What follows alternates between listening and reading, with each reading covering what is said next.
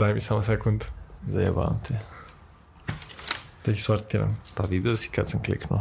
Kliknuo si. Pa kliknuo sam. Krenuli smo podcast. Da. Nema, ba to nema zdravo, beganja. slušalci. Zdravo Mare. Zdravo, sagovorniče. Takođe, srećna nova godina. A, Srećna nova godina i tebi. Završavamo prvu sezonu našeg podcasta Pličak. Jel se osjećaš nekako veliko? Pa, osjećam se kao da sam navršio prvu godinu pa- i počeo da hodam i počeo da govorim ono, mama, tata, baba. Mm, Znači, značajno. Pa da, mislim da je meni dosta ovo čak lično bilo zanimljivo da vidim kako ti gledaš na knjige, da vidim kako komentarišeš knjige, da vidim šta izlačiš iz njih, čak i kad su knjige loše. Mislim da ovdje ima dosta uh, nekih zanimljivih stvari da se otkrije. I, I dosta mi prija razgovor o knjizi. Ja lično nisam imao toliko prilika da s ljudima pričam o knjigama. Mm -hmm. a, a, a sviđa mi se to. I zanimljivo je to u tome što mi o jednom citatu umemo da ispričamo jednu zasebnu priču. To jest da, Da. o jednoj misli diskusijom otkrijemo nešto drugo. To je isto meni jako zanimljivo. I često se setim nekih stvari o kojima smo pričali, recimo u prvoj emisiji ili drugoj emisiji, tako da, tako da je meni, što se tiče toga i ovog podcasta, to bilo jako zanimljivo. Evo, ovoj emisiji sada ćemo pričati o um, drugom delu knjige Solunska 28, koji je napisao čovjek koji se potpisuje kao dr. Nele Karajlić, zove se Nenad Janković. Um, knjiga je o jednoj kući u Beogradu, Solunskoj 28 i uh, on je otprilike isplanirao da je uradi u tri dela, da prvi deo bude život te porodice koje se tu nalazi, koje preživljava prvi svjetski rat ili delimično preživljava prvi svjetski rat i svih porodica koje su prepletene s njihovom i tom kućom, pa onda tako i drugi svjetski rat i da treći, sve, da, ne treći svjetski rat, nego da treći rat bude pu, pu daleko bilo. Ništa ja ovde ne predviđam. Daleko Znači, bilo. sad piše aktualno, jel? U real time ne piše. znam. Iskreno ne znam. Ne, ne, to nije nemoguće da će da ovaj, promeni potpuno priču, ali je bio plan da ispriča ono što se desilo od 90-ih. Da Beograd opiše u sva ta tri perioda. I ovaj, ja sam ovo čitao mnogo pre nego što smo krenuli da vodimo podcast, tako da sam dosta i pozaboravljao. Ono što pamtim jeste da je um, knjiga sama po sebi jako brza uh, i tempo je jako brz kao da mi slike pro, prolaze ispred očiju. Uh -huh. uh, ima puno likova i jako jednostavan jezik. U, u, nekom vrlo jednostavno uspeva da objasni o, kompleksne stvari. To je kao, kao kada najbolje poređenje s tim je kada imaš nekoga ko priča neki jezik kao maternji i nekoga koji je upravo naučio taj jezik. Aha. Pa se ovaj što je upravo naučio služi rukama, nogama da nešto opiše, a ovaj što barata s tim jezikom kao maternjim u dve reči ume da sagovornik objasni šta se desilo. E pa mm -hmm. ovo se sad dešava, mislim, o, o, to je slučaj u ovoj knjizi bio. Tako da meni je bilo jako zanimljiva. Ona se bavi ne samo istorijskim periodom i onime što se dešava u drugom svetskom ratu. Njen glavni glavna nit knjige je o tome kako izgleda život u Beogradu i kako se ljudske sudbine uh, potresaju i, i raznim spojenim uticajima. Mm -hmm. Da li je to dolazak i upliv komunizma u ljudske živote, da li je to osta, ostatak vernosti pravoslavnoj ideji, misli i verovanju u Boga, da li je to izdaja svoje porodice i e, grada, da li je to odbrana nekih ideala, da li je to biti e, pred konstantnim izborom za smrt i život. Mm -hmm. To su neke stvari koje se u ovoj knjizi dešavaju. Eto, meni je baš zanimljivo da je, da je knjiga koja nosi ime po adresi, znači ovo je prva, i to je došlo u trenutku kad mi menjamo adresu. E, da. znači, to mi je ovako zanimljivo. Baš kao što je prošla koja je bila ono od Portugalca, došla ono u nedelji kad... Dobro. I o, tako da baš je zanimljivo Ove, ta mala simbolika. Da, baš kad menjamo, vidjet ćemo koja će nam biti sledeća adresa. Te, Možda da. bude značajna. Možda naš podcast bude, daćemo ime sezonama po adresama. Da, da. Eto, neka to bude jedna ove, od neleta nasledđe. Da. Nisam znao čovječe da se preziva Janković. Da. Znači, niđe veze. Veze sa karanjem. Znači, Da. najneutral, najneutralnije prezime ono srpsko. Kao da se zove Marko Pavlović. A, a što Jankovići ne vole svoje prezimena? Pošto Ja i- mislim da je i to samo Cepter i često je. Janković pa je promenio. Če, često je. Mislim da je samo stvar što je često. I onda, kao Li. Ja sam Lu Li. I onda ni, ni jedan kinez neće da ga smatra ozbiljno, znaš, kao... Niko neće da ga zove, to je onaj Li. Šta Brate, god da uradi, da imaju- izmisli penicilin. Da, ali oni imaju baš jako malo prezimena u odnosu na broj ljudi. Kako ti to znaš? Pa negde sam to pročitao. Ma daj nemoj da me zajemaš. Majke. Nemaš ti pojma. Šta ti znaš o kineskim prezimenima? Kao oni, kao i južnokoreanci. A nije, nije, nije baš kao kod nas. Oni fazon imaju, ono, 15 Em, kombinacije vrtih u krug. E, Ignorisat ću tvoju tvrdnju i e, reći ću da se serem po njoj. 98. strana, prvi citat. Okej. Napolje stoko. Pa jebemo mater Marez. Bile su prve reči koje su se prolomile kroz hodnik radija, a koje su slikovito prikazale urednikovu nespremnost za saradnju. Mislim da ovo nije dovoljno da bi se dočarao citat, tako da ću dodati još uvod ispred toga, koji će malo bolje da ilustruje. Slažem se. Video je svako ko se tog jutra našao u radiju, Kosmajac je kočoperno ušao u stanicu u pratnji dva svoja saradnika, ali je iz nje izašao podvijenog repa i ispraćen uvredama koje mu je bez posebne akademske oblande isporučio glavni urednik Radenko Živković, nakon što je policajac diskretno ponudio saradnju na temu pribavljanja redovnih informacija i dostavljanja istih policiji. Napolje stoko. Bile su prve reči koje su se promolile kroz hodnik radija, a koje su slikovito prikazivale urednikovu nespremnost na saradnju. Mm. Čekaj samo prije nego što konkretno pređemo na citat. Svi likovi u knjizi su izmišljeni, je li tako? A, on je rekao, kad je pričao o knjizi, da je pola priče izmislio. Sad mi ne znamo koji deo priče. Ja, ja bih pretpostavio da bilo što što se dešava izvan porodice i kuće je... Ok, da, kapiram. Dobro, pretpostavljam da i oni nema nekih velikih kao istorijskih ličnosti Nema, u tom nema. smislu. Ok, Da, da. bazirao na nekim ljudima koje zna, ali sve su Ili neki... priče koje je čuo Da, ili da, da, koje mogao da zamisli. Ali su obični ljudi, da, je, kažem. svakodnevni ljudi, da. To, to, ok, to sam htio da nema tu neku biografsku, istorijsku... Ne, ne. Ok. Dobro, pa ovo je interesantno. Da ti ponudi neku, prvo okupira se Beograd, recimo, zamislimo da ga okupiraju Bugari. Pa je, mo, je moglo za- gore čoveč. Zamisli Bugari. Baš nemaš milosti danas. I dođe ti, dođe ti Bugarin ispred ono čučavca i kaže, hoćeš da prisluškuješ za mene i da mi javljaš i dostavljaš informacije, šta bi ti rekao? Gde da prisluškujemo podcastu? Pa, brate, to ne baš tebi, ali zamisli nekoga koji je kao ti, ali normalan i ne vodi podcast, nego ono, ima priliku da špionira ljude. Ma, nemam pojma, koje ljudi? Druge Pa- bugare, pa, druge bugare, ne, okej. ne, ne, ne, ne, Bugari, znači, bu, ti, ajde ovako, 2035. Druge, druge srpske bugare. Srpski Bugare. Da, Sr- da budeš ti srpski Bugari. Srpske Srbe ne, srpske bugare boli me kurac za njih. Za njih bi prisluškivao. Ne bih prisluškivao, ali ne bih ih branio. Ne bi ih branio, jasno. Bio bi u fazonu i onako ste oročeni, braćo. Samo je pitanje trenutka. Da. A, nemam pojma, mnogo zajebana tema. Ali, više, znaš šta je meni privuklo pažnju više? E, šta ti misliš koliko je bitno akademska oblanda u životu? Koliko je koliko je bitno imati takta? Pa ovaj lik definitivno nije mudar ako mene pitaš. Znači da dođeš nekom i samo kažeš duj ga retarde, to baš nije po mom mišljenju to nije pametno uraditi. Ništa ne dobijaš time. Time samo stavljaš do znanja osobi s kojom realno ne želiš da sarađuješ da, da, da može da očekuje od tebe negativne stvari. A da li si nekad imao posla sa ljudima koji ne žele da prihvate neka odgovor? Sigurno jesam. Znači kada si fin i oni potpuno preko toga prelaze samo misleći da će Da, da, te da. nagovoriti da, rade, da radiš ono što oni hoće. Da, jesam. I u tim situacijama ja dosta brzo stanem do znanja. I d- da li postoji neki drugi način osim ovog? Ako te ne mrzi, ja mislim da postoji, da izmoriš Aha. sagovornika, ali to je ako te ne mrzi ili ako ono, ti, zavisi šta ti je više stalo. Da li si spreman da uložiš energiju da ne pokvariš odnos Uh-huh.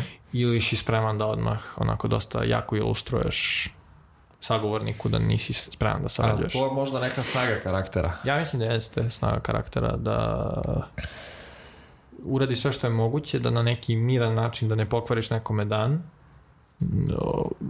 mu staviš do znanja da nećeš da uradiš nešto što bi ta Ali osoba ako je volala. neko evidentno onako maliciozan i baš, brate, mm, hmm, i, na, i zao i namazan, da li tu treba dupetom zalupiti vrata ili ti... E pa sad je pitanje šta bih ja lično uradio i šta mislim da je ono ra- savršeno racionalnoj osobi pametno da uradi. Pa, a ja te pitam više ovako nekako u nekoj sa, savršenoj situaciji. U savršeno racionalnoj situaciji ja mislim da treba uložiti puno napora da sagovornik ne vidi u tebi a, pretnju Mm. neprijatelja. Jer ovo je zapravo došlo u čudnom trenutku, baš sam ja jako razmišljao u posljednje vreme u svom životu o tome, o toj nekoj ulozi, ajde, ne mogu to da nazovem agresija, ali nije da nije. Znači, kad treba biti baš onako jasno, direktan i, i otkloniti sve sumnje, kad treba da uletiš klizeći i da li to ima uopšte mesto u komunikaciji međuljudskoj. Mislim, očigledno ja bih voleo da nema. Voleo bih da sve može mirnim tonom i da sve može lagano, ali ovaj, baš sam se susreo sa par nekih ljudi koji onako traže taj način komunikacije i baš sam razmišljao m, da li postoji neki način oko toga. Mislim, nisam ga do sad našao, zato da toliko i, pitam. Da, ne, da. n- baš želim neku inspiraciju u tim situacijama kad su ljudi tako onako, mm, nije samo da su zadrti, da oni hoće da izguraju svoje, nego su, baš su namazani, znaš. Oni namerno neće da čuju šta ti to pričaš fino. Znači, baš se prave onako namenski. E sad, da li oni samo od tebe traže takvu vrstu odgovora zato što znaju da će da se protumači negativno? Da, mislim da da. Ja mislim da ima... uh, ja mislim da traže takvi ljudi kada su kvarni, traže razlog u tvojim rečima da tvoje reči upotrebe protiv tebe. Mm. I ti kada nešto kažeš u afektu, uh, oni mogu taj tvoj afekt da upotrebe protiv tebe. Znači, pecaju te u suštini. Pa možda su oni svesni toga ili ne, ali ako ti ne uradiš ono što oni žele, oni će upotrebiti sve što mogu protiv tebe da bi te opet naterali da nešto uradiš. Mhm. Mislim da toga imaš i u različitim nekim životnim okolnostima, da neko s kim ti uđeš u neku vrstu sukoba interesa, on pokušava da te natera da, pecate. A drugo pitanje od ovog citata isto, ima li policija ikakvu dobru ulogu? Po kom pitanju, po u kom smislu? Pa, osim, osim neke idealne u koju veruješ dok imaš 10 godina. Pa ne, ja verujem i dalje u policiju. Ne mogu da kažem da ne verujem. Znam da nisu Spider-Man, znam da um, nisu savršeni, ali a, ali verujem da većina da, da ima mnogo posla koje oni zapravo urade i da ima nekih stvari koje oni dobro urade. Da li policija Da. ima ulogu u prikupljanju informacija je mnogo bitnije pitanje. Jer šta znači prikupljanje informacija? Šta znači? Nemam pojma. Mislim, ja stvarno o njihovom radu verujem kako da oni, znam da, minimum. kako, koju tu ulogu to ima. Ali hoću kažem, više mislim, više mislim na ovo, prikupljanje informacija u radiju, šta je ko rekao, šta je ko hteo da javno kaže svoje mišljenje, da se to zloupotrebi, da se to upotrebi protiv njih. Pa kakvu, sad- kakvu ulogu recimo ima policija e, u medijima? Ka- kakvu ulogu imaju onaj FBI na društvenim mrežama? Sad možemo da se vratimo na naš omiljeni od prošle epizode veštačku inteligenciju i programe koji mislim da to je već sve automatizovano. Ubaciš, E, brate, e, pa to ključne reči i to, ćao. Mislim, što bi ti jebavo neke ljude i neku službu, da ih plaćaš, da ih drkaš za to koga boli dupe. Ovako To- to ide sve ozbiljna- automatski bani, ćao. To, Mislim to, da to, to, je više sledeći nije... korak za to je misalna policija. Ja, se, ja planiram da mi u drugoj sezoni odradimo e, diskusiju 1984, Da, a, jer ideja misalne policije je opasna ideja i ja sam ja, ja sam siguran da je to loša stvar i da, da su posledice toga neverovatno loše. I ne samo da mislim da, će- da ako nastane misalna politi, policija da će to biti problem, ja mislim da kroz istoriju je postojala misalna policija. zvana katolička crkva Da. ili zvana, ne znam ja, uh, univerzitetski profesori ili zvana policija Mm, ili zvana, zovi ti to kako god hoćeš, to je kontrola tuđih misli i to je jako loše i usporava napredak u, Da, naj, da. u najboljem slučaju. Za sledeću sezonu mora spremimo neke blockbustere. Ovo smo ovako, Da, neke ovo- ovo ozbiljne smo- klasike proverene. Dobro, sad smo išli onako... Pa kilo sa čim smo imali, šta Pa smo nije mogli. kilovo, ali e, recimo da smo, ja sam se nadao nekom proviđenju, onako božanskom, bado sam na sreću, razumeš. E, šta me god privuklo, ja sam čito bez neke ozbiljnije pripreme, eto, ali uzet ćemo sad neke knjige koje smo već čitali i koje znamo da kidaju, pa ćemo njih da ponovo ovaj, Da. obradimo, znaš. Sad sam išao u novo, novo, novo, nisam, nisam se vraćao Ne, na staro. mislim, svakako uh, knjiga ima Ali više nego bi što da mi imamo vremena. mogli bi da napravimo jedan spisak e, knjiga koje smo čitali i koje su ono apsolutna preporuka i da njegde stavimo evo to ćemo da objavimo na negde Neki na- naš na plan, sad YouTubeu. planiramo u drugoj sezoni. Pa, prođemo. e, sa, i to, a i tipa neke apsolutne preporuke. Aha, okej. Znači, okej. nevezano da li smo ih obradili u, u podcastu Da, ili ne. ako- To bi bilo dobro. Da, I ako neko hoće da da svoje preporuke i da kaže svoje mišljenje, i to ćemo podeliti Da, bit, na tom postu. I ovaj, misao, misaono ćemo da ga ispolicajšemo. Da, da, ima da mu... Da, Dodžovat ćemo mu da predloge, ga baš jako, da. Ok, Ajde, idemo na sledeći citat. može. Idemo na citat. Nešto Cita, cita. Da, zanimljivo. Ja mislim da je, on je pisao još neke knjige, jel tako? Tako je. Da, interesantan tip. Dabetić je bio svestan da je Jerginu izgledao kao najgori ulizica, pošto se u početku iz straha i neizvesnosti preterano trudio da se što više dodvori nemačkom oficiru. Ali isto tako je znao da ko u teška vremena nije u stanju da se dodvorava, taj takva vremena ni ne preživi.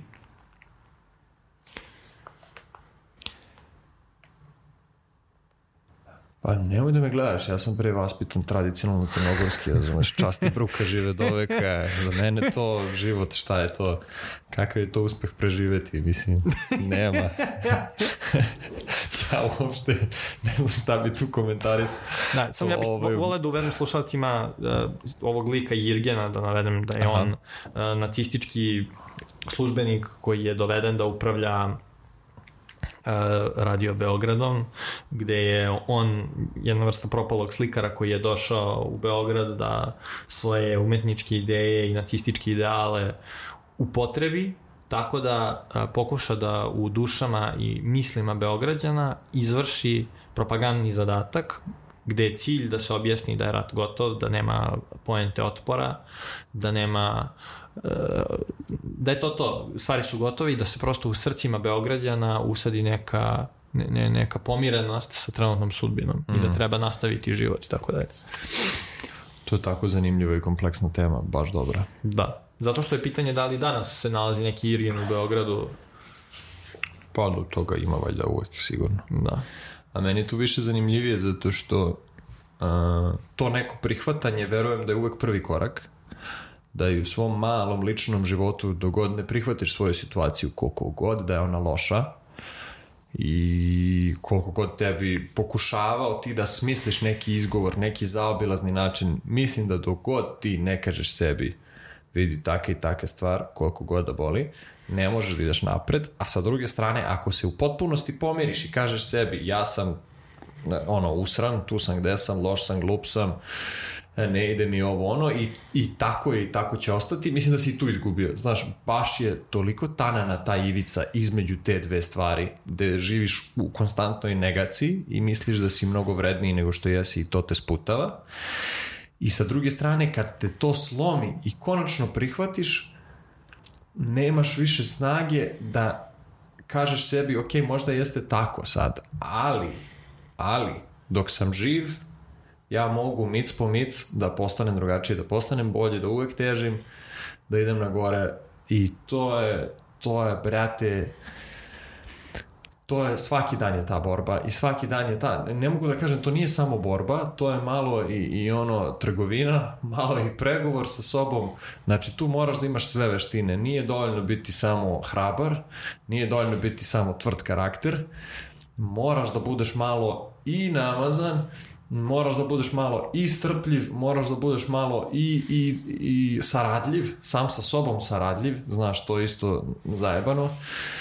I moraš da budeš širokogrud, da, da taj udarac koji sigurno ovaj, te čeka, ako si do tada živeo ne želeći to da prihvatiš, znači to, uf, moraš da budeš spreman da se potpuno prepustiš ono tom i onda da iz toga ponovo kao, kao Feniks. I to naravno svakog dana. I ono što mene tu najviše boli je znači možeš da budeš jako dugo vremena na pravom putu, da imaš dobre navike, da budeš posvećen i onda ono jedna klizava stepenica te vraća e, pet koraka unazad, znači za dan, za sekundu, za jedan trenutak samo bum, ono otvori se ispod tebe i onda opet Capet, capet, capet, capet. Da, ja se slažem. I ja, ja mislim da ta ideja uh, upravljanja radijom je je svest upravo o tome da je ljudski karakter na mnogo načina, ne samo ljudski karakter, nego način, ono što bismo mi nazvali ljudska pamet, mnogo bitna. Čovjek kad mm -hmm. izgubi pamet, on je na, na gradnici da, da preživi. On ako nema neku elementarnu pamet kad šta radi, kad diše, kada jede, kada ustaje, na tom nekom prvo fizičkom nivou, on ne može da opstane. A isto tako je pamet, to je ono kada stari ljudi kažu samo da pamet čoveka služi. A, a, a pamet i na ovom daljem i višem nivou isto ima ulogu pamet nad vlastitim navikama, nad vlastitim uverenjima, nad vlastitim ciljevima i pokušajima.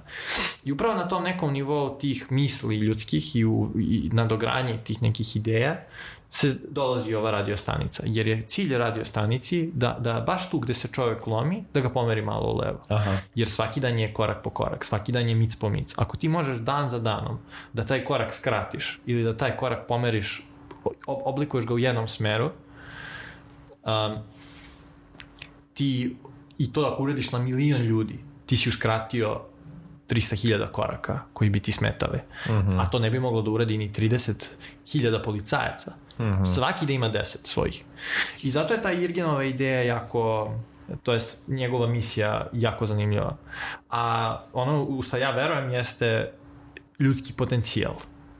A, mm -hmm. ali bez dobrih misli i bez uh, pameti ljudski potencijal može da bude ograničen, može da, bude, da, da se ne ostvari do kraja.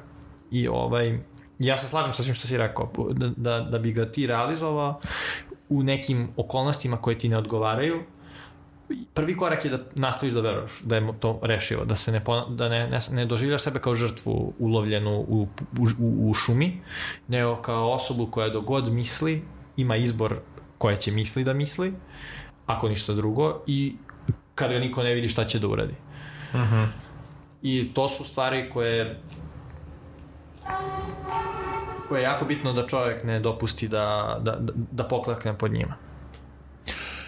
Ja ba Ali, da, da, da, potpuno se slažemo oko ovoga i samo, naš interesantno mi je koliko sad vidiš tu u osnovi toga gde čak i neka ta propaganda, odnosno neki pokušaj da se izmanipuliše, uh, čini mi se da mora negde da ima neku osnovu istinitu, Naravno. ili, ili ovaj, znaš, mora za nešto da se zakači i zato se ja time ne bi toliko opterećivao kao, znaš, to je nešto treba sputati, treba ograničiti te, ma pusti kojih jebe, neka rade šta god hoće.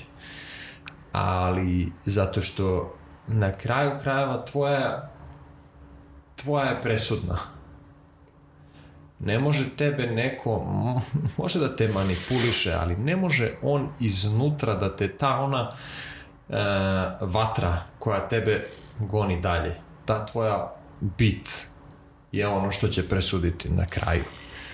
Da. Jer ti imaš toliko ono, pa to ti je biblijska priča ko je od njih bio ono lovio hrišćane eretike i to tipa Pavle ili možda čak i Petar mislim, nebitno neko od da njih Pavle Pet... da Znaš, ono, i onda koji je bio kao potpuno u celoj toj priči zagrižen i ovo i ono, i znači, ako odeš dovoljno daleko, shvatit ćeš na kraju istinu.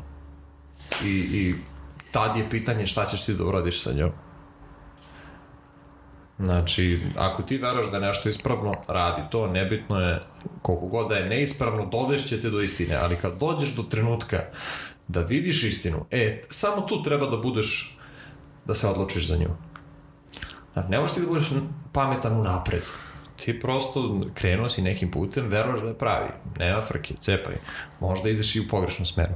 Ali kad ti se pred očima otvori, znači, a bit će kad tad, nema šanse. Razumeš? Niko nije zabluđen ceo život.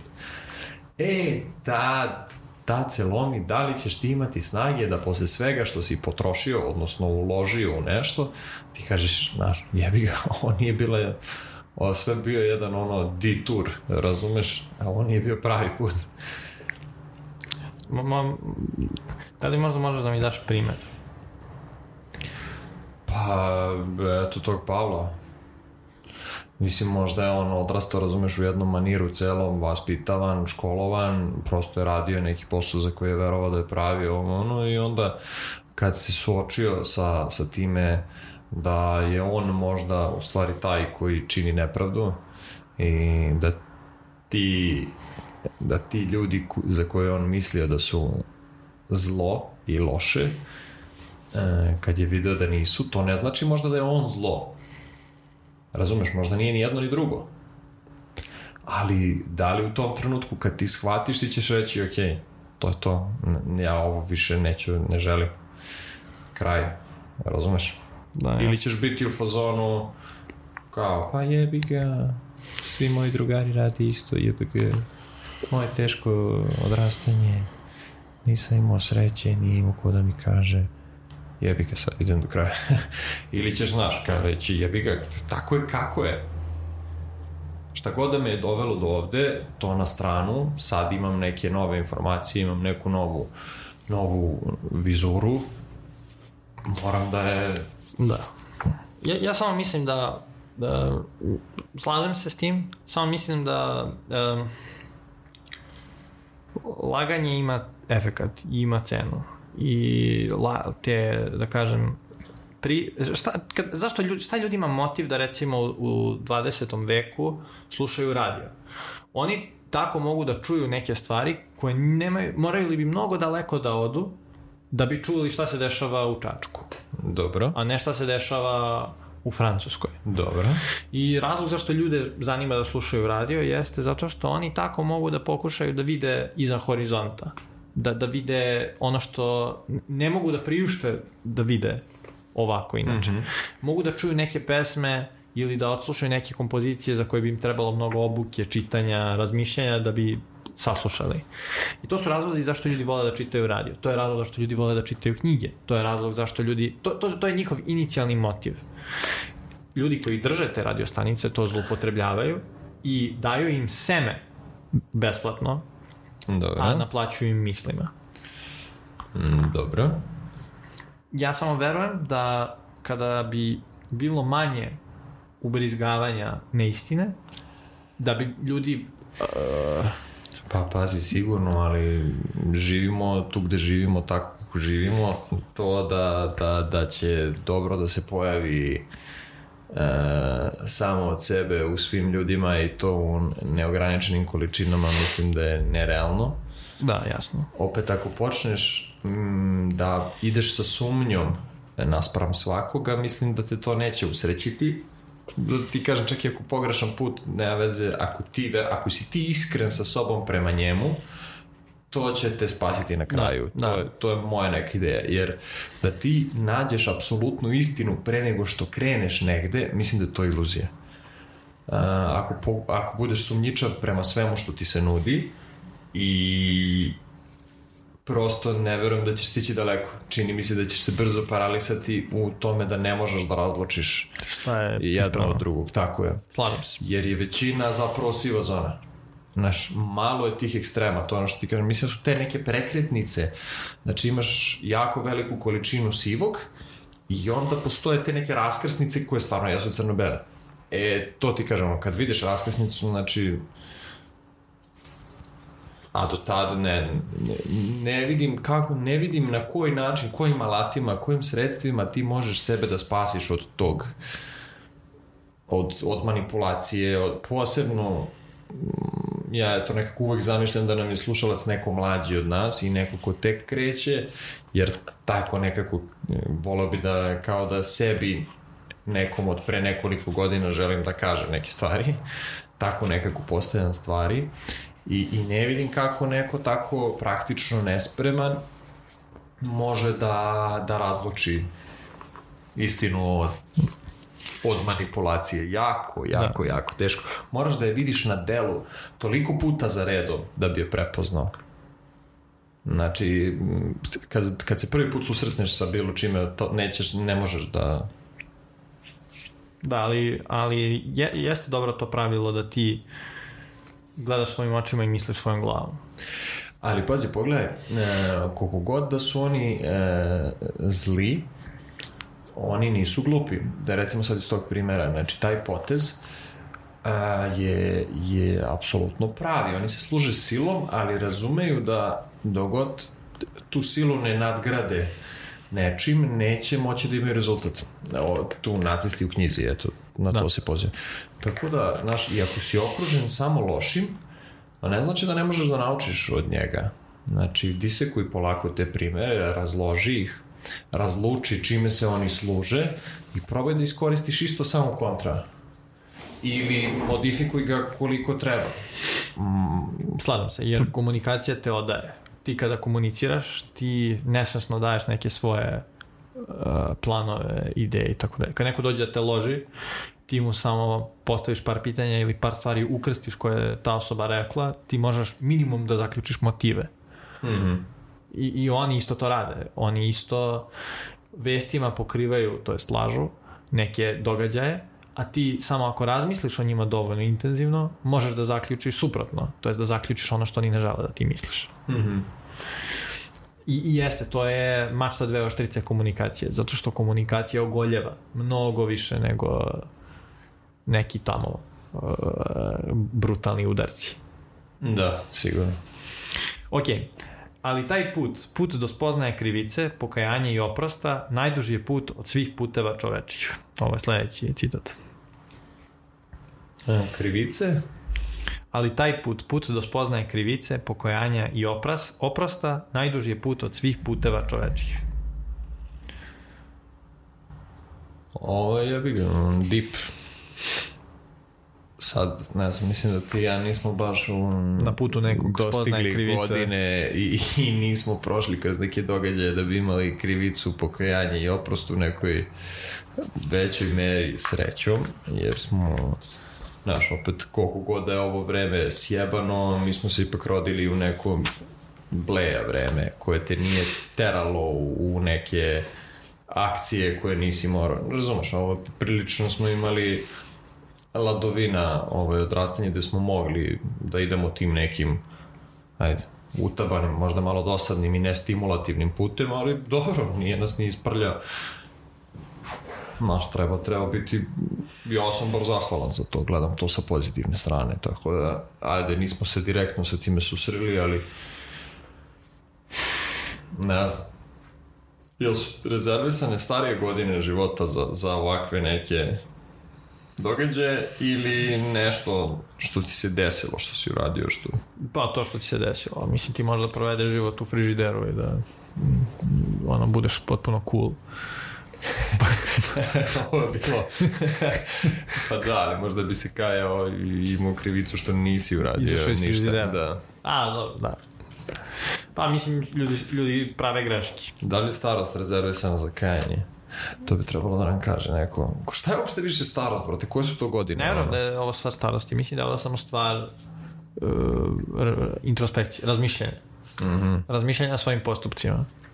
Sad, ako ti nemaš nikakve postupke, to jest ako nemaš nikakva dela iza sebe, onda nemaš ni mnogo oko čega da se kaješ. Nemaš postupke konkretne. Ali šta ako se kaješ zbog odsustva postupaka? Ok, ok, onda nema veze sa postupcima samo, nego uh, tvojim, tvojim razmišljanjem o tvojim odlukama. Možda da. to. A, možda je samo taj period starosti, period kada se s najmanje ljudi srećeš. najmanje, sa najmanje ljudi interaguješ. Ko doživi uopšte starost, pogotovo onu duboku, Pa on, znam. on ima najviše vremena da razmisli o tome. Deluje da se Biden sreće sa baš puno ljudi. Ko? Biden. Biden. A dobro, mislim ovdje na obične ljude. On je... Možda je zato pao s bicikla jer se pokajao, brate. Svega što je uradio. uh. Možeš da ga... a, Clintona. E, o, o, ćemo dalje.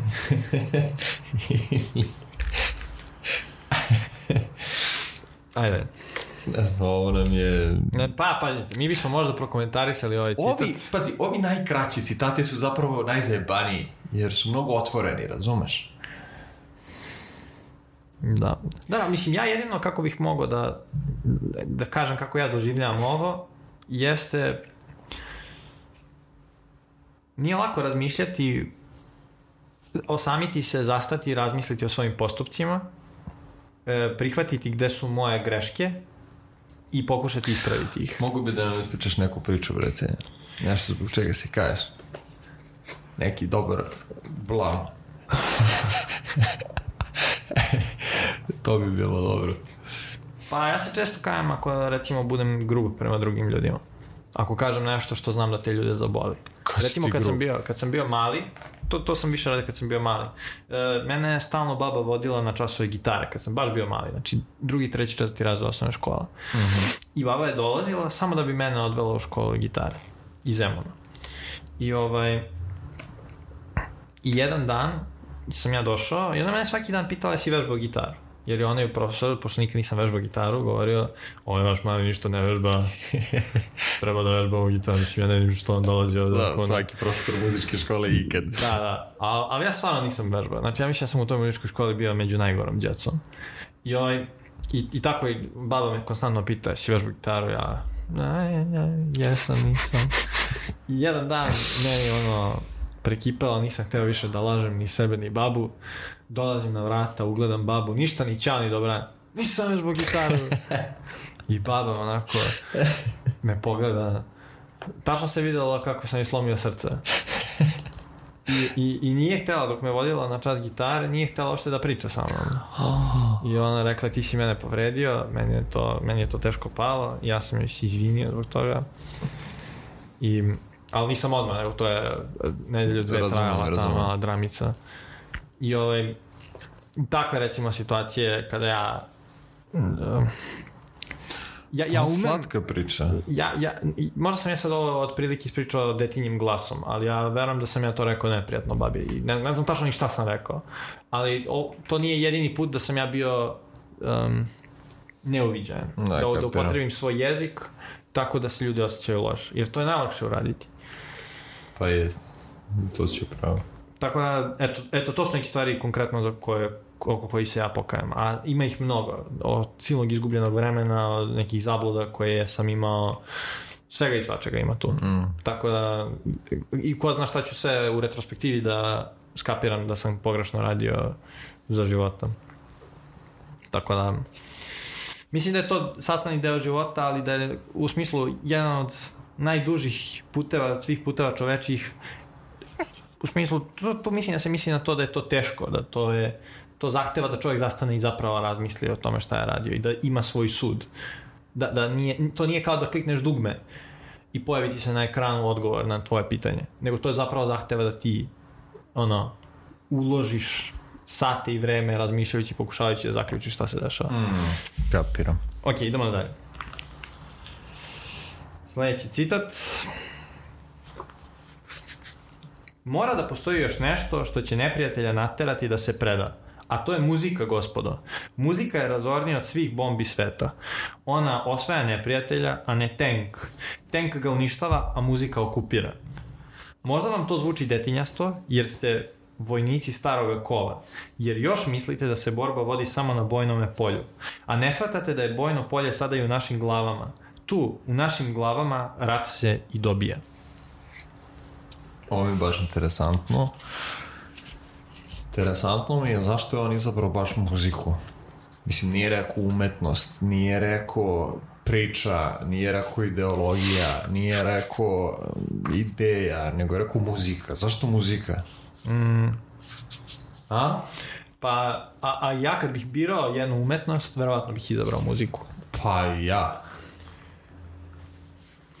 E, Zato što, ne znam, ono, evo, poslednje što vidimo, jazz pa rock and roll, oni jesu, ono, pokorili svet u tom smislu. Tako znači, je. to jeste bila muzika, ni, ali, ali, e, dobro, i film, Ali mada film... je ovo era pre film, ali um, jeste muzika nekako, pazi, sad koliko je sve napredovalo, ono, muzika i dalje ima neku posebno ima mesto. Tako je. Ono što se meni recimo desilo jeste u odnosu na ono kad sam bio mali, mnogo manje filmova gledam ili manje imam pažnje da odgledam ceo film. To Da. je možda adekvatnije rečeno. Da, da, da. Ali muziku i dalje slušam isto ako ne i više. U smislu i vremena i, i, i- da odslušam celu pesmu. I da, Da, neka slušam i pesme od 10 minuta. I ja isto, da. A, i, I uopšte mi nije popustio taj entuzijazam da je često za film pomislim kao, "Oh, brate, Ko će sat i po šta vremena... ako bude sranje? Da, brate, sat i po vremena gledamo O. ljubavnoj priči između severnog Korejca i južnog Korejca. Da, ali ono, ali ono tipa za, za pesmu nikad nisam u fazonu kao Ćo, šta ako bude sranje, ja poslušam. Mislim, ono, mm. uvijek sam u fazonu šta ako ovo bude nova pesma na kojom ću da se zarazim. Da. A i velika je bila razlika kad sam ja bio mali um, te američke pesme. Stvarno, Da. ja, u odnosu na bilo šta što sam čuo, to je bilo stvarno neverovatno koliko je bilo dobro. Ko- Koliko, kad kažem dobro, mislim za Aha. mene, kao slušalca, Aha. koliko mi je prijalo, tako zanimljiv zvuk, tako dobro zvuči. Neke te pesme su stvarno bile meni uh, izazivale ja, ja ne mogu da opišem taj osjećaj koje su izazivale neke sreće što čujem takvu muziku. Aha. I, ovaj, I ja verujem da to je razlog zašto su i u Češkoj puni, pune koncertne sale i ne, ne sale, nego ono otvorene poljane. U Poljskoj imaš 200.000 ljudi koji stane i peva neke pesme na engleskom. Da. Te pesme koje su nastale u Americi ili na zapadu, na engleskom pevane, su stvarno jedna vrsta pobede kulturne pobede, jer ti kada naučiš, ti kroz to te pesme, muziku i filmove naučiš jezik, a kad naučiš jezik, obavljaš ekonomske razmene i činiš to mesto bogatijim recimo. Uvijek sam se pitao, brate, šta je to u tim, u toj muzici? Konkretno zapadnoj muzici Ja mislim da je bila 20. samo bolja. veka. Ja lično kao slušalac mislim da je bila bolja, Ali zanimljivija. bolja u... U svakom smislu, čemu? u tehničkom smislu, i u produkcijnom smislu, i u... Pa da, ali po, po tom nekako klasična muzika je iznad te pop muzike kao bolja. Tako kažu ovi koji se baš razumeju u muziku, razumeš? A opet nisi ti nastavio da slušaš, ne znam, tamo rusku operu ili od Stravinskog neku ono, Da, da, da. Ali ja, ja mislim da... klavirsku sonatu, jebam ga šta ima, ja mislim da ima i razloga zašto. Mislim da je ima veze sa ljudskim željama, sa ljudskim motivima. Neke pesme te pogode, jer pogode tvoje okolnosti, tvoj kontekst. Možeš da se o, saosjećaš sa pesmom. Znači, one su bile u skladu sa vremenom, u skladu sa atmosferom vremena, u skladu sa tvojim željama, u skladu sa tvojim problemima, pogodile su trenutak Tako je. i prepisale ga na najbolji mogući Mo, način. moraš da uzmeš u obzir ti klasični muzica, ma, muzičari koje su oni imali korisnike te njihove muzike dok su živeli. To su bile velike dvorovi, sale, da. dvor, dvorci gde se obavljaju predstave pred njima. Da. Gde je muzika samo um, propratna, propratni deo toga. To, ona je izuzetno dobro urađena, ona je sjajno komponovana, sama po sebi ona može da stoji. Ali ona je bila ja mislim, namenjena ili većina onoga što su oni radili kao ono dnevna Pa, ali aktivnost. pazi, već i Mozart i Beethoven su bili solo artisti u smislu da su oni bili noseći, nisu oni pravili predstave, nego je bilo klavirski koncert je događaj. Mislim, pi- pisali su oni i opere, ali to je bio njihov izbor, ne zato što su morali, nego... Znači, tad je već bilo popularno muzika radi muzike. E, Ima, ima, tvoj argument stoji, ali ima još nešto, nije to glavni odgovor. Evo, sad ja uh, dalje razglabam, razumeš, razmišljam o tome. Vrlo interesantno. Mada opet, eto, zanimljivo je da nacisti nisu imali nikakvu muziku. Oni ništa nisu zadužili. Pa ne znam, to je jako zanimljivo koliko smo mi dobri. da... Koju ti muziku zapravo poznaješ da je iz perioda 1920. To su samo muzik, a, muzičke numere jezika koji razumeš. Jer ti znaš neku francusku pesmu, ne, ajde francuski si učio, ajde neki jezik koji nisi učio. Špansku pesmu iz 1920. Ili 30. i 40. Pa... Dobro, istina, Japansku, jako kinesku. malo ih znam generalno. Ali otprilike znam kakva se muzika trošila u tom vremenu. Znaš kako su izgledale 20. i 30. i to. Znaš otprilike kakav je bio tip provoda sa sve onim nakinđurenim igrankama i ono šta li. Znaš otprilike kakva je muzika mogla da bude. Nisam siguran da Mislim, mi ne znam ni srpsku muziku 20. Ne, ni ja, Nije, ni ja. nije do jezika koji razumem. Mislim da je... Znam možda po neku pesmu ako ima iz prvog svjetskog rata.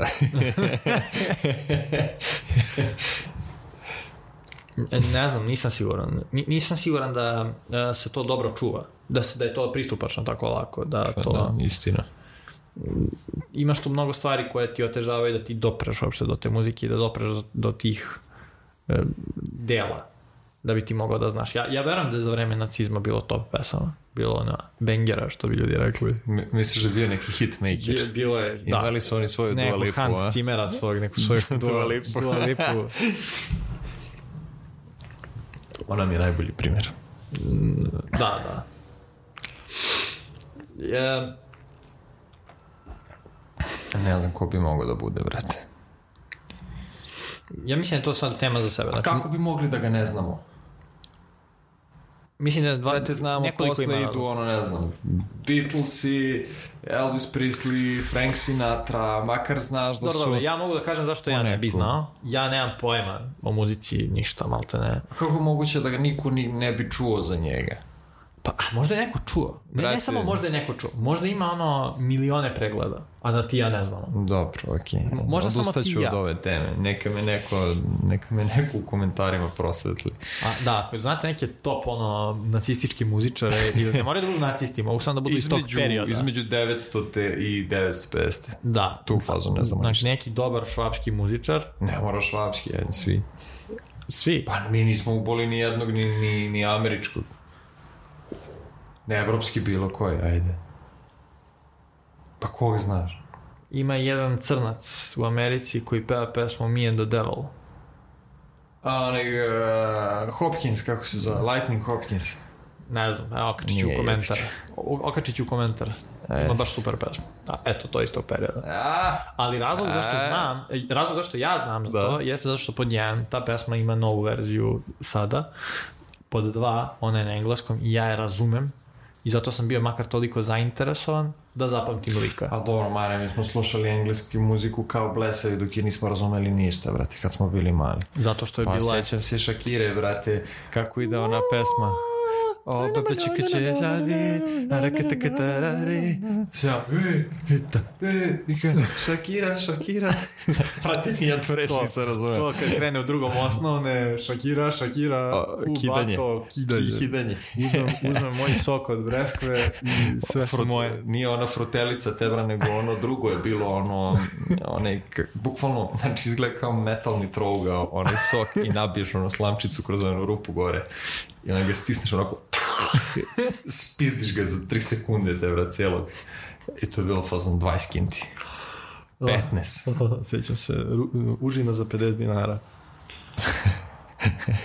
Uvek Kako sad zvuči, brate, sad ni žvake nisu 50 dinara. Nisu bukvalno. Kapiraš to. Ne, ne bi mogao dobiješ trećinu parčeta pice za te pare.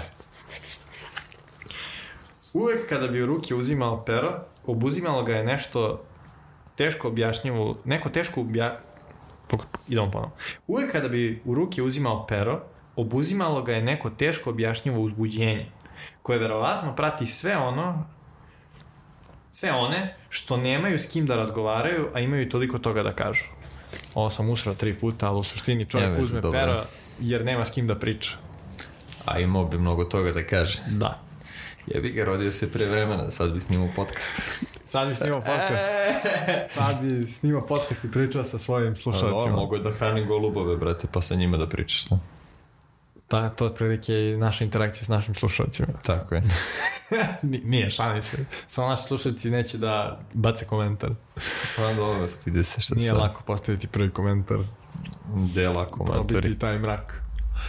Um, to je ba, e, meni je ovo baš jako zanimljivo zbog uloge pisanja u čovekovom životu.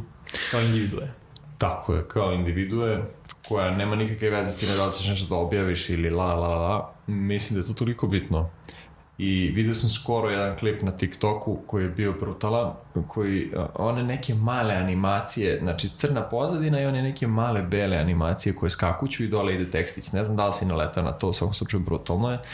I bio fazonu kao, ako nemaš ideja, čitaj, a ako nemaš jasnoću, clarity, ono kao, piši, a ako imaš oba, ono kao, deluj, a ako nemaš rezultat, budi konstantan. I bukvalno to je to, ono ide 20 sekundi, samo se to smenjuje i ide neka loptica koja skakuće. Mm, I kao skakuće preko knjige, preko ono, olovčice, mislim, lepo je urađen klip. Ali toliko tačan.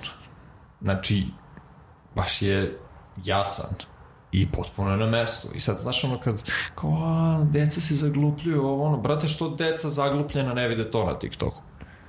Jer ti, kad bi to video sa 15 godina, mnogo bi ti stvari bilo jasnije. Pa evo, ajde mi da probamo da objasnimo šta to znači. Ja bih pokušao da ja, kako vidim taj, tu tvrdnju. Um, kada ti nemaš ideje, a to samo postoji, znači ono, sediš sa svojim drugarima s 15 godina i kao šta ćemo da radimo, čega ćemo da se igramo.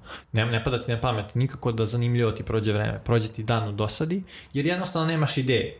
Ali kako provesti dan dobro ili čak kako provesti život na neki bolji način, to je dosta staro pitanje. I mnogi filozofi su pokušavali da odgovore na to pitanje. Ok, ja možda ne mogu za život da garantujem da postoji dobar način da se upotrebi, ali jedan dan, jedno popodne ili da dobiješ neku ideju šta može da radiš, a ti bude zanimljivo, knjige su dosta korisne u tome, ja bih rekao. Dosta ti daju ideja, svakako. I ti to možeš da vidiš i sa ljudima koji čitaju, recimo ako čitaju o nekoj oblasti, kada pričaš o nekome ko je pročitao dosta knjiga iz neke oblasti, ti da ga, da ga pitaš kao što da čitam, koji klip da pogledam, on će da ti citira pet klipova, šest knjiga ili, ili nekih e, segmenata knjige.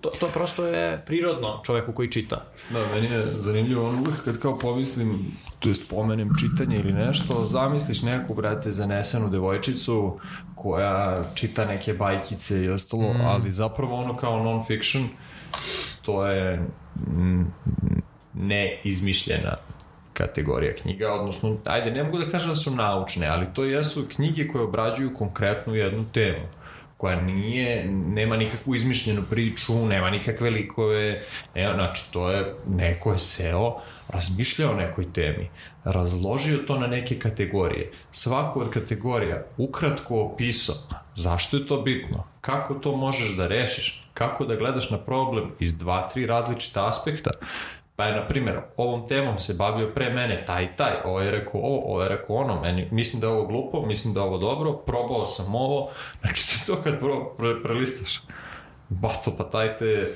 znaš koliko te Ubrzo. pomeri u napred. Ubrzo, ubrzo. Jer ono što se tu desi je da neko ko ima strah za nešto, recimo, redko ko može da napiše knjigu u operativnim sistemima. To moraš da se posvetiš tome profesionalno 10-20 godina da bi ti to mogao da sljuštiš. I ovaj, ono što se desi jeste da oni kompresuju to u jednu knjigu. To mm. svoje strastveno iskustvo, ostanak do kasno, rad na tome, u slobodno vreme i tako dalje. I oni to kompresuju i ti kada čitaš, u stvari ubrzaš svoje životno iskustvo. Recimo, palo mi na pamet uh, od uh, Ray Dalija, onaj Principles. Da. E, nisam čitao, st- stavio sam ga na listu, ali gledao sam klip, onaj animirani. I baš je u njegovoj produkciji, njegov u 7, 10, 15 minuta, sad bi slagao kad bi rekao, ali do 15, Uh, animirano otprilike jedna, jedan od uh, kako se kaže poglavlja, jedno od poglavlja je on tu opisao što je mislio da je bilo bitno nešto, kako recimo funkcionišu ekonomija, berze i to. Znači druže kakvo otkrovenje. A pritom je, naš, različiti su malo medijumi da li slušaš ili gledaš, odnosno čitaš, Ja sad ne bih rekao da je nešto bolje ili lošije, u svakom slučaju rekao bih da je najbolje ako jednu temu možeš da obradiš i tako što ćeš da je poslušaš na tu temu, pa bio to podcast, bilo to da pričaš s drugarima, bilo to na predavanju od profesora, a onda i da možeš da gledaš, odnosno da čitaš, da aktivno upijaš, i još ako to posle ispišeš posle nekog vremena, mislim da si onda sažvakao onako prišao si iz tri strane, što je apsolutno relevantno za neko osnovno razumevanje. Za dalje, ok, jevi ga, možda da, možda ne, ali u svakom slučaju dobit ćeš neki mnogo, mnogo, mnogo širi spektar od tog ono instant inform informacije. Dobro, ovo je sad dosta zanimljivo, jer um, postavlja se pitanje kako čovek da to što uči zapamti, razume, shvati da može to da primeni. Jel? E, e, ti dok si studirao, si koristio neke tehnike za učenje? Pa dosta zajebano, jer pri, princip mojih studija je bio jako malo um, u nekoj memoriji i mnogo više u sintezi. Mhm. -hmm. I onda um, neke tehnike koje sam koristio u srednjoj školi, recimo za memorisanje novih termina ili e, nekih čak novih reči u, kada učiš novi jezik, uh, stvari u kojima ti je potrebna memorija da bi uopšte mogao da čitaš knjige i da navigiraš, to uopšte nije bilo mnogo potrebno u tehnici. Jer mene recimo baš zanima. Uh, ja sam kasnije to, dobro, i dok sam studirao vidio sam svašta, ono, imaš onaj pomodoro, pa recimo to je, ne znam, učiš 15 minuta, pa pauza 5 i to po onom alarmu, pa imaš one, recimo, da crtaš uh, one neke mape, asocijacije, pa imaš recimo onaj kao mnemonics, gde imaš one skraćenice, ne bi li lakše zapamtio. I meni je bilo mnogo teže da se ja izdrkam dok primenim te tehnike nego da samo učim. I zapravo se nikad nisam služio ničime. Nisam ni podvlačio, nisam ni izvlačio, nisam ni pisao. Probao sam sve, ali sve me je držalo po, po manje od 1% vremena koje sam učio. I baš me zanima koliko je ljudi koji te tehnike mislim, apsolutno ih je puno i video sam ovaj da primenjuju i baš bi mi bilo zanimljivo da ako je to napravimo neku malo mali neki presek, neku statistikicu, koliko se ljudi služi time, a koliko ljudi samo radi i koliko ljudi misli da je to korisno. Ja, ja verujem da to jeste korisno, ali da ja to ne umem da primenim na pravi način i to meni konstantno bude gubljenje vremena jer se rasipam energetski oko nečega što je off topic. Tako doživljavam. Ja znam da to možda malo onako glupo i primitivno, ali lakše mi je bilo da izgruvam nego da se nego da se oko toga, ba, baš me zanima da li ima neko ko je, razumeš, ono to implementirao tako da mu je to baš onako pa ja sam u gimna... kao što je na influencerskom videu da ja. mu je onako išlo bleja ne ne na, ja, ja sam to koristio u srednjoj školi ja sam tako učio predmete koji su bili koji su se dosta, kad kažem tako, mislim da sam crtao mape i da sam um, koristio tehnike za memorisanje listi, recimo, ako treba da se nabroje neke 3-4 stvari. Aha. Te stvari sam memorisao tako što uh, zamislim neku priču sebi u glavi tako zapamtim šta tu sve stoji. Uh, ali to nije moglo da mi pomogne u stvarima gde ti treba da rešiš problem, recimo kao zadatak, Jer... ili da napišeš projekat. Ja sam treba program susra, da bilo ono kao, ti sad zamisliš kao kuću, pa kao prostorije, pa u svakoj sobi su ti neki predmeti, pa im ti tako razumiješ ja druže, vidim ona knjiga, bato hiljadu strana, mislim se koja, ali ovo kuća, dok se ja tu snađem, si u pičku, daj ono bolje lista, to ide samo gore dole, zamisli ono još u 3D da se izgubim u onom gradivu, brate, ne nađo me posle, ni Dunav, ni Sava, jebate, šta je ovo? da. Um, ali je, mislim da sve to ima neku ulogu u široj slici. I ne treba da se izgubi šira slika. Znači, memorija je samo jedan deo ljudskog uma. Drugi deo je logika. Treći deo je radoznalost. Ja ne, možda nisu, ne možemo kažemo da su to iste stvari, ali to je deo razmišljanja. Uh -huh. I, mhm. interesovanje je jako bitno. Bitno je e, umeti bit, biti konstantan, zapisati nešto svoje. Zato je onaj taj video na TikToku koji si našao gde kaže da ako nemaš ideje čitaš, ako um, ne, nemaš bistrinu da pišeš i ako nemaš ako imaš oba da, da je sad vreme da radiš nešto po tom pitanju, a ako nemaš rezultat u tome što radiš, da treba da budeš istrajan. I to stvarno, ja mislim da je odlično. Odličan neki um, sled koraka. Znači, treba raditi ono što imaš bistrinu oko toga u razmišljanju. Znači, ako ti dobro razumeš ekonomski principe, ti treba da kreneš da se baviš financijama. Hmm. Ako imaš dobre, do, dobro razumeš računarstvo, treba da se baviš programiranjem, hmm. ako ti je to jasno. A ako ti nije jasno, pročitaj nešto prvo. Ako nemaš ideju šta da radiš, pročitaj nešto prvo. A ako nemaš rezultat, ali ti otprilike jasno, To je recimo, mnogo inženjera postoji koji razumeju ono što razume Elon Musk, ali nemaju rezultat.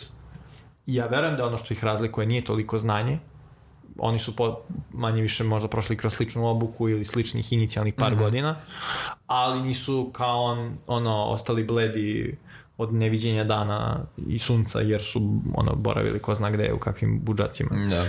Znaš šta mi je još zanimljivo recimo koliko E, sad po društvenim mrežama ili to koliko god hiljada ono klipova da vidim na dan, znači kad scrolluješ i sve to. A, kad uzmem neki i pošaljem nekome, to zapamtim i onda tako napravim neku svoju selekciju. Znači, bukvalno kao da pamtim onako po četovima šta sam kome poslao i bukvalno sve ostalo da zaboravim. Tako da koliko god da tamo ima govana, koliko god, e, to mi je postao kao neka je to svrha upotrebe toga. Znači ja to sve ono listam, listam, listam, sve što mi se nešto svidi, ja to pošaljem, sve što sam poslao sam zapamtio, kao recimo taj klip. I ne znam, ono, eto, ima neku vrednost, ima neku korist. Nije mi samo gubljenje vremena. Pa jeste, podeliti nešto o čemu si čitao i o čemu si razmišljao i pričati s nekim drugim o tome je jako dobra tehnika za razmišljanje. Da ti kroz dijalog o tom predmetu, o toj temi, postaneš bolji. A eto, to mi je sad neočekivano, ali malo i sa podcastom gde knjige koje samo pročitam i ostaje, ima knjiga koje se ono urežu i to je to. Da. Koje ostaju tu svakako za uvijek, ali ovako kad ih ti ja pretresemo, pošto sam ih pročitao, toliko su mi jasnije u glavi, imaju neki tok i, i to mi se baš jako sviđa. To mi daje neku dodatnu vrednost tome što već inače svakako radim. Uh, ovo mi je jedan korak više i, i, i ostaje mi sistematizovano u glavi. I to ja mislim da zato recimo univerzitetskim profesorima znači taj period kada predaju svojim studentima neke predmete, jer mnogo toga se nauči kada prođeš neku oblast par puta neku knjigu kada objasniš, ali, ali kada zapravo uđeš u diskusiju o tome, mm. kada, kada zapravo odgovaraš na neka nezgodna pitanja, kada pokušavaš da nekom ilustruješ neku stvar. Ostane ti, ima neka izreka uh, ruža koja da, uh, ruka koja daje ružu, na njoj ostaje miris.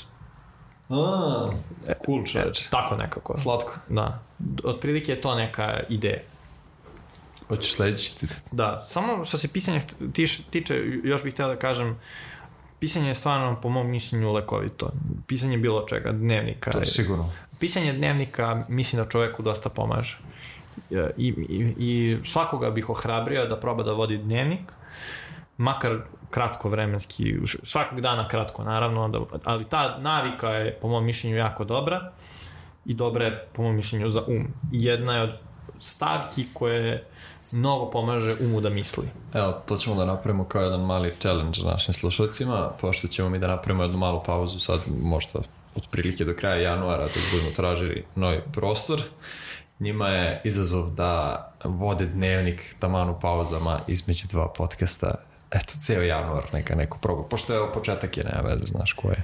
Pa, dobro, Nova mislim... godina, neka jedan mesec probaju pa da vidimo Da, ba, ja bih... U sledećem podcastu da nam jave da li Mare ima dobre ovaj kako se to zove, savete ili, ili samo podjebao da je pošten narod? Pošteni narode, ja bih da vas podjebem i da vas nekako na, nateram. Šalim se, ne, ne bih terao nikoga da, ništa. Da ali, ti bude bolje. Da, a, ali mislim da je um, super, super uh, aktivnost to. I mnogo stvari koje su meni pala na pamet. Je, šta se desi kada neko piše? tebi padne na stvar, neš, padne na pamet neka stvar koja ti nikad ne bi pala da nisi seo da pišeš. I promeniti raspored, promeniti e, sliku stvari i dosta pomaže. I to je ono o čemu pričamo, o čemu si ti rekao kao jasnoća razmišljanja. Mm. Ti vidiš da, ne, redosled kojim se nešto desilo i, i na osnovu toga kažeš, aha, možda je ovo razlog zašto se to sve desilo. I ako promenim ovo, nešto drugo će se desi. To je, to je lepota pisanja. A da ne pričamo o ovom sledećem koraku koji je delanje. Znači, kada misliš da imaš dovoljno jasnoće, tu već nije vreme da ti toliko um, u, ponovo učiš, ponovo pričaš, nego da pokušaš nešto da uradiš tim. I, i, i, i, i to je, ja mislim, jako dobro uraditi. Ali dobro, idemo sad na sledeći citat. Hmm. Mislim da smo prošli kroz sve ove najbolje citate. A koji nam je ovo po redu? Uh, mislim da će ovo da vam bude peti. Pa to poslednji, pretposlednji, kako hoćeš da ga krstimo? Pa ajde, ovo nek nam bude poslednji.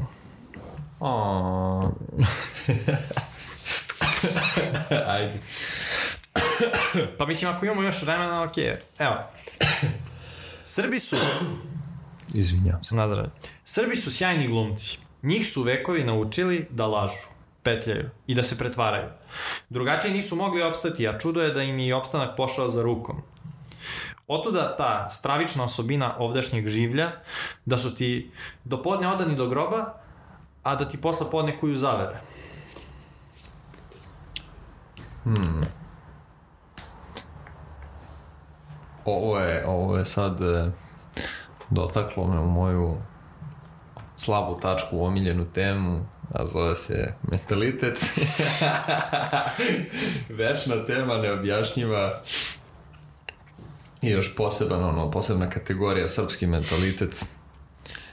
Kako je on tu rekao, šta ga je... Njih su vekovi naučili da lažu, petljaju i da se pretvaraju.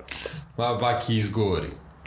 Izgovori. Ma, pusti me. Pa šta, koji vekovi? Uh, pet vekova po Turcima. Ma daj, pa tera, ko nije imao pet vekova usranih između 13. i ono 18. Pa to su najgori vekovi. E, Svima bilo teško.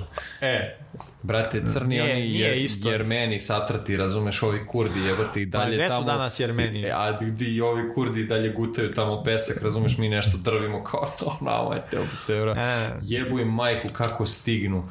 Pa ono, ovi bre Norvežani do pred 30-40 godina dok nisu našli naftu, ledili su se bre tamo krajem 20. veka, oni i dalje razumeš, foke lovili, daj, evo te, pa nama najgore, nama uvek najgore, što nam je najgore? Ne, ja ne, ne mislim da vam rekao najgore, nego da prosto, a, a, ali nisam, nije stvar. Naučili su se da budu e, ljigavi, a ne preduzimljivi. Znači, mnogo je lakše, jer stalno ovde neko prolazi, daj svakoga pomalo izjebemo, svuda ukraducnemo i mi šta možemo, ne radimo ništa, bola nas patka, šljive i jabuke rastu i bez nas, šta nas boli? Uši?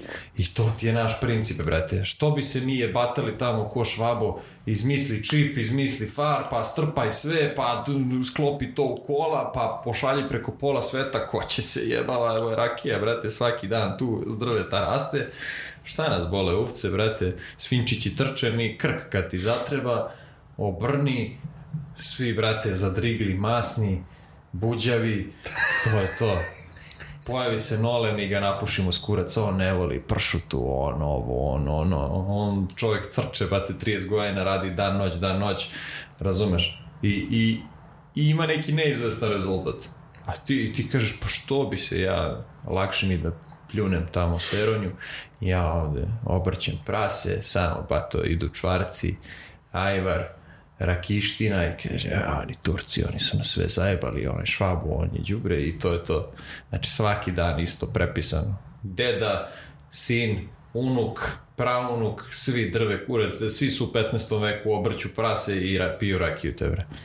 Pa to je te, tehnologija stara hiljadu godina. Najmanje kad je rakija izmišljena. Dobro, a, a, a ja bih morao da sad budem da malo uletim i da odbranim a, narod kome pukom srećom pripadam. A, nisu svi takvi, to je prva stvar. Ima istine da je to slabost našeg mentaliteta. Ima istine da ali isto tako mislim, i, slažem se s tim da nije srpski narod jedini narod koji ima mnogo ratova i mnogo nedaća. Ne bih sad znao da stavim na tas o, i da uzmem da poredim ko je imao koliko muka više ili manje. Svaki narod ima neku svoju muku i Tako čitanje istorije Nemačke tvoje uh, je to pokazalo da su oni proveli hiljadu godina maltene, da su se tukli međusobno, a da su sada možda u mnogo boljoj relativnoj poziciji odnosu na ostale evropske narode nakon ujedinjenja i nakon tehnološkog razvića i maršalovog plana itd. itd. i rekonstrukcije, rekonstrukcije, rekonstrukcija. Može se od drugih naroda naučiti, ali, ali je istina i da ti možeš i da iz ove kulture nešto Vidim, izvučeš ja pozitivno. mislim da mi najvrednije što smo imali, imali smo izbor. Uvek. Ja sam ponosan na to što smo birali. Samo ne znam što jedemo govna na osnovu onog što smo sami birali. Znači, kako je koja nesreća dolazila, svi oko nas su birali jedno, mi smo birali drugo. Ja verujem da smo birali ispravno. I ne želim da žalim ni za šta. Ja ko hoću da prihvatim sve dobre i loše strane koje su došle sa našim izborima, ali e, daj mi da idem dalje. Nemoj da me zbog Da. starih izbora teraš da se vrtim u starom krugu. Neću. Jedan izbor koji sam napravio, ne teraj me više da se sa njime razlačim kao žvaka i kao neko govno. Znači, biramo, odradimo, idemo dalje.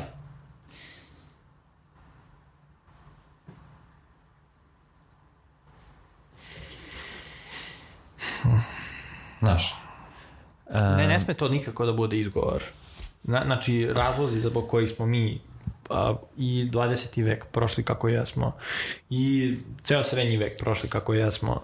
To su Pritom- naši izbori. Pritom, mi živimo sa idejom kao da postoji univerzalni sudija, što je meni ekstra, slažem se, to je neki bog, ali to je druže u sledećem životu. Odnosno, posle ovoga. Znači, u ovom postojanju, dok smo sad ovde, na ovoj planeti, u ovom vremenu, ne postoji univerzal, univerzalni sudija. Nemaš kome da se žališ i nema ko da ti da nešto za ništa. Znači, nemoj više sedeti i srati ja, nje, meni, ja, nje, nje, nje, nje, nje. Kad ćeš više da pređeš, brati, iz tog levela, a ovde ništa. Znači, nije ti to, ni Evropska unija, ni Amerika, ni sud, ni pička materina niko. Nema nikoga, bato, sam si sa sobom, okreni se sebi, šta posadiš, to ćeš da ubereš, završi posao. Gde odlučiš da se biješ, preživiš ili ne, bože moj, pičiš dalje, nemoj više da kenjaš, tebra. Znači, muka mi je više od toga. Ja od kad sam se rodio, ovde se vrti ista priča i uvek kad dođe novi izbor, odnosno nova prilika za izbor, mi uvek biramo isto na šta se uvek ponovo posle žalimo. Što ja opet ti kažem, ja ne bi izbore menjao. Meni su izbori svi okej. Nije to ništa sporno. Samo to što ti radiš posle, nemoj to da radiš. Ok, ima kukanja puno. I stvarno, i to je loša osobina našeg mentaliteta. Ali ima i glume. Ima dobri glumaca. Zar ne? Da. I jednostavno to su lepote naše kulture. Ja mislim da su nasleđene iz sitnih prevara koje su nastajale tokom Jo, okupacije. ja ne znam, brate, kako sam se ja vaspitao tako malo, malo hladnije, malo zapadno. Meni gluma uopšte nije zanimljiva. Jel? M, ali ni malo. Kako nije? Ja, bogatstvo naroda, oni, ba šta mi glumiš bre majmune? Ne volim bre da mi glumiš. To Da. meni šarenilo karaktera uopšte mi nije privlačno. Ne razumem. Kako misliš? Pa glume među, među ljudima, među narodom, jel ta, na tu glumu da, misliš? Da, da, da. Š, široku Aha, aha, glumu. aha, aha. Pa ne znam, ja ne volim taj manir gde se ulazi u to gluma na glumu, jedni drugima glumom, ne znam.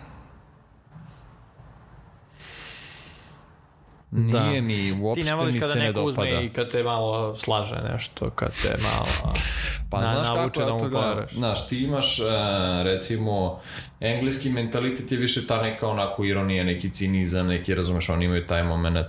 Nemci imaju taj onako precizan moment, ja to bar tako doživljavam, razumeš, to je ono način na koji, a mi imamo glumu. I, i, i ne znam, sve je fake.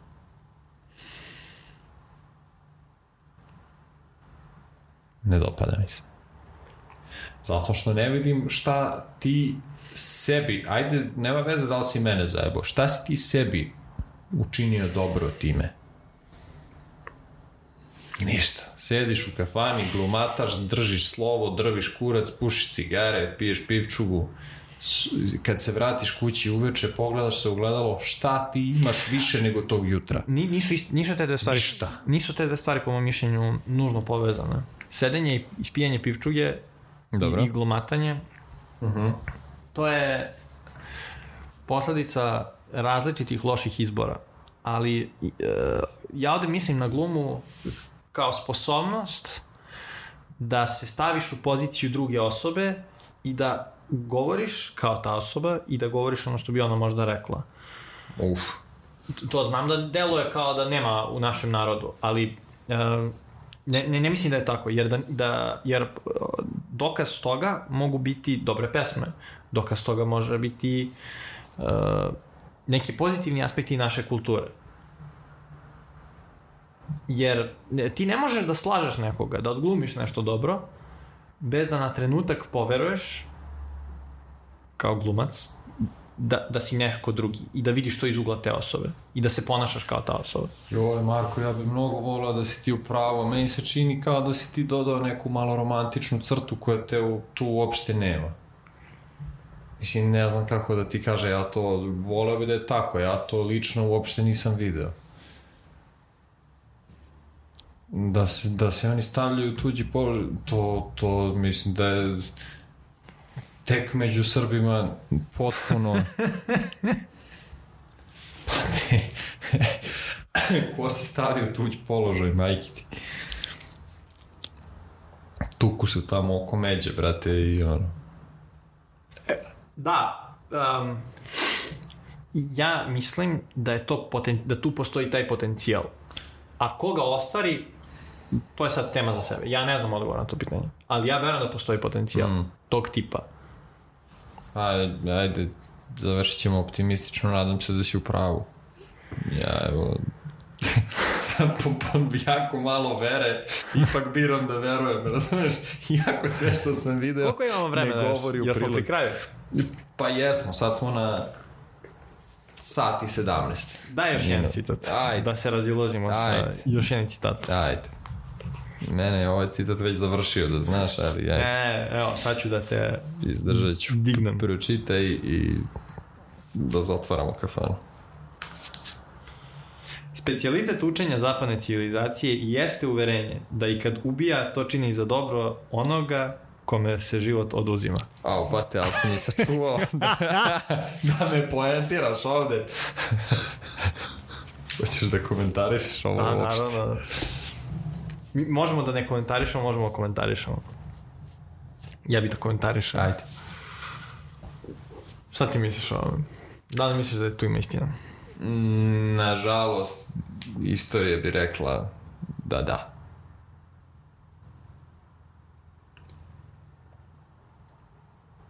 Kako misliš da se to ogleda? Kako, kako se ogleda? Kako si to, kad si to prvi put video? Kad si to video na nekom primjeru? A, pa malo sam imao prilike, ali video sam, video sam čak i na primjeru kad sam bio baš jako mali. A, bili smo na letovanju u Egiptu i igrali smo, znači ja sam bio stvarno mali. Igrali smo neku odbojku, neki futbal, sva ono dečice iz hotela tamo na onom travnjaku, na, na ovaj, na plaži, tu neke lopte što smo našli, tako zezamo se, drkamo i ono, tu imam razno razne dece, ko zna svih. I ovaj, znam da smo tu nešto malo počeli da pričamo i bio je neki dečko Englez, onako baš mali, beli, recesivni, koji znam, znači ja nikad nisam video na nekom licu takvo gađenje i takvu promenu raspoloženja kao kad sam ja rekao da sam iz Srbije njemu gde ja u tom trenutku stvarno nisam imao nikakvu predrasudu ni prema jednoj zemlji, jer praktično nisam poznavao nikoga. Mislim, stvarno nisam imao razumeš, meni onda je rekao iz Zimbabvea, iz Amerike ili iz... Stvarno bi mi bilo sve jedno, razumeš? Eto, možda, možda Turke i Bugare sam eto znao po nečemu. Pozitivno. Bio, samo po pozitivnom.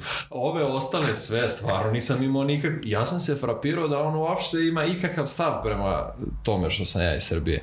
Ali kažem ti, to je i dalje ostalo kao najveće gađenje na nečijem licu koje sam ja video, pritom dečka od 10 godina. Ma kaki 10, 7, ne znam koliko je to. Znači, to znam da sam bio baš pod utiskom, onako, naravno on nije izgovorio ništa, samo se okrenuo i otišao i nikad ga više nisam video. Da, da, da, nismo se čak ni posvađali, jer to je bilo... Ispod časti njemu. Ja mislim da da, osetio sam se kao da on mene doživljava manje nego one ribe tamo što u vodi, ono, kruže jer prema, prema njima se makar ne gadi. Ali s druge strane, ja se uopšte zbog toga nisam osjećao loše, baš sam bio fazonu, brate, šta se ovde desilo, kakav je ovo debil. U svakom slučaju, ja sam nastavio i ostao da se igram sa svom ostalom decom, a ko njih jebe što su nad meni. Pa da, druga deca te nisu tako gledala. A, pa ne. Da, meni se jednom desilo slično tako nešto, sam rekao sam iz Srbije i da me e, sagovornica pogledala onako razočarano, fuzonu, nu na zapadu, ali čudno je to. Čudno Ali, je to što, mislim- ljudi, što ljudi jednostavno ne razlikuju. Više osnova za ovu ovaj, izjavu, to jest za istinu ove izjave ima eh, braća, indijanci, aboriđini i svi ostali koji su preživjeli samo po rezervatima. Mi smo ipak, tu smo braća. I dalje mi goljimo. Da. da. Stvarno je dobro pitanje kada... Jer ti imaš kada pokoriš nekoga dva izbora. Jedan je da kažeš, e, ja sam pokorio nekoga protiv njeg- njegove volje, možda bi trebalo da ga pustim da sam sobom upravlja i da donosi svoje odluke. Niko Ali da li si ikada čuo da neko na Niko zapadu to kaže? Pa nešto na zapadu, pa niko nikad nigde. A Aha. što bi pokoravao nekog i onda kao, ajde da ga pustim. Pa što je to sportski ribolov.